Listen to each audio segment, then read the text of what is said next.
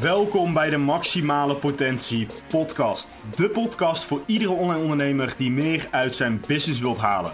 Ik ben Victor Smit, jullie host, en tijdens mijn programma Het Succes Traject help ik online ondernemers om binnen 90 dagen succes te behalen op het internet. De e-commerce wereld is nog nooit zo groot geweest en tijdens deze podcast bespreken we de belangrijkste eigenschappen van een e-commerce ondernemer en wordt er extreem veel gedeeld op het gebied van dropshipping. Welkom allemaal bij weer de derde aflevering van Maximale Potentie Podcast. Vandaag een heel belangrijk en leuk onderwerp. Je hebt waarschijnlijk al een titel gezien van 0 naar 100%. En dan heb ik het niet per se over je maximale capaciteit benutten. Hè? Dus niet per se van oké, hoe ga ik van 0% naar 100% maximale capaciteit. Waar ik het eigenlijk over wil hebben en waar ik in de afgelopen paar jaar heel veel over heb kunnen lezen, veel seminars heb kunnen bijwonen, en dat is een stukje conditionering en beperkende overtuigingen. Iedereen komt op deze wereld met 0%. Vandaar ook de titel van 0 naar 100%. Je bent dus in principe leeg en je hebt geen kennis en ervaringen, gebeurtenissen als je op deze wereld komt. Je wordt geboren en er is nog helemaal niks. Je bent dus op 0%. En waarom dit extreem belangrijk is om te onthouden, is omdat jij in je jonge jaren heel erg veel dingen oppakt als er iets wordt verteld tegen jou als jij vijf bent of tien bent en een simpel voorbeeld, een leraar vertelt eigenlijk dat je niet goed genoeg bent of misschien zelfs je ouders en dat je maar gewoon um, de normale weg moet ingaan en uh, dat je het niet goed doet en alles gaat fout en eigenlijk alleen maar negatieve dingen. Dan kan jij er hier nog steeds last van hebben als je 30 of 40 bent. Dus het, gaat, het heeft heel veel te maken met wat er tegen jou verteld wordt in jouw jonge jaren. En natuurlijk, hè, in de loop van de jaren verandert jouw 0% naar 100%. Elke dag, elke maand, elk jaar komen er een x percentages bij. En vanaf dat moment ga je dus je anders gedragen. je kunt bijvoorbeeld ook na een jaar lopen. Je kunt, na twee jaar kun je gaan praten. En op dat moment zijn er ook dingen die gaan veranderen. Want ouders gaan tegen jou zeggen, als je heel nieuwsgierig naar de snoepnaar loopt, uh, als je één of twee bent, en je wilt iets pakken, dan zeggen je ouders: dit mag je niet pakken. En vanaf dat moment komen er percentages bij. Want dan ga je dat opslaan in je brein, je gaat dat verwerken en je neemt dat mee in de rest van je leven. Alles wat we opslaan, alles wat wij horen van ouders, familie, vrienden, kennissen, leraren, whatever, kunnen wij als negatief of positief ervaren. Het is natuurlijk heel uh, de, de standaard regeltjes, of in ieder geval de standaard dingen die verteld worden, wat voor je eigen veiligheid is als jij bij een stoplicht staat en er rijden enorm veel auto's langs, dan wordt er jou geleerd en verteld dat jij niet mag oversteken omdat het rood is, anders word je aangereden. En dat zijn allemaal dingen die positieve invloed hebben. Maar er zijn ook heel veel dingen die van negatieve invloed kunnen zijn. En daar wil ik je graag een voorbeeld over geven. Ik heb een student, uh, Mark. En Mark is inmiddels 26. En toen hij 20 was, ging hij, eh, was hij eh, van plan om ondernemer te worden. Hij deed nog een studie, een HBO-studie. En zijn ouders waren eigenlijk altijd een beetje van: je kunt beter eerst jouw studie gaan afmaken, zodat je eigenlijk een plan B hebt. En we vinden het prima als je gaat ondernemen. Alleen we willen eerst dat je volledig focust op je studie en niet voor het ondernemerspad gaat. Hij, gaf altijd, hij zei altijd tegen mij: ehm, Ik vond school eigenlijk altijd belangrijker dan ondernemen, terwijl ik het wel heel graag wou. Ik vroeg aan hem: zijn het dingen die vanuit jezelf komt, of zijn het dingen die jou ehm, verteld zijn vroeger? Dat is dus een beperkende overtuiging. Het werd hem verteld, Mark werd verteld, dat hij eigenlijk beter zijn school kon doen. En niet goed genoeg was, want zo pak je dat op als kind, um, niet goed genoeg was om te ondernemen. Er wordt dus eigenlijk verteld dat je maar uh, voor de normale weg moet gaan kiezen en niet voor het ondernemerspad. Terwijl hij dit diep van binnen heel graag wou. En dit is, een, dit is een heel simpel voorbeeld van een student van mij. Maar nu vraag ik jou, jij die luistert, kijk eens naar jezelf, hoe jij vroeger geprogrammeerd bent. En wat ik daarmee bedoel, wat is er allemaal vroeger tegen jou verteld? Natuurlijk, ik ga je niet vragen om vanaf je, vanaf je eerste tot je, tot je twaalfde eventjes elk jaar na te gaan. Oké, op dat moment zijn mijn ouders dit, op dit moment zeiden mijn ouders dat. Dat bedoel ik niet. Het gaat over de dingen die jou bij zijn gebleven. Misschien supporten je ouders je wel. En het, het, is niet alleen een stukje ouders, het zijn ook leraren, vrienden en iedereen om je heen.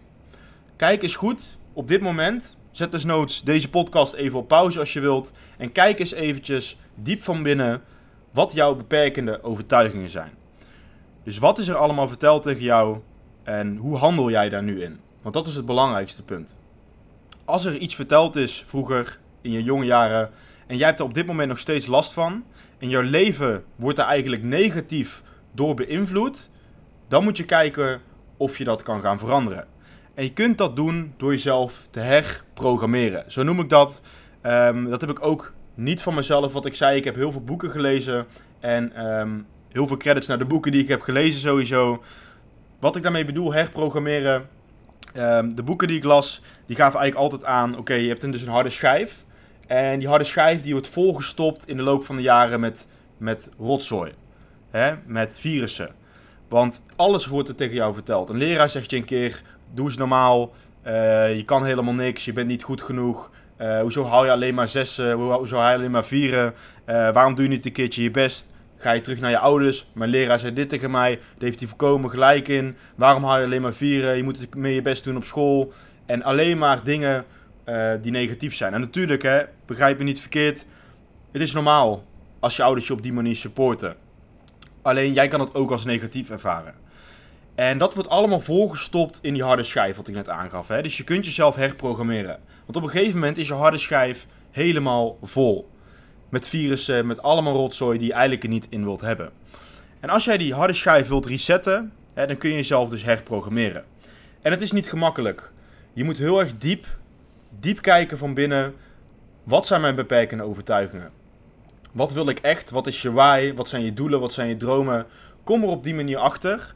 En ga dus gewoon kijken naar wat jou in het verleden is verteld.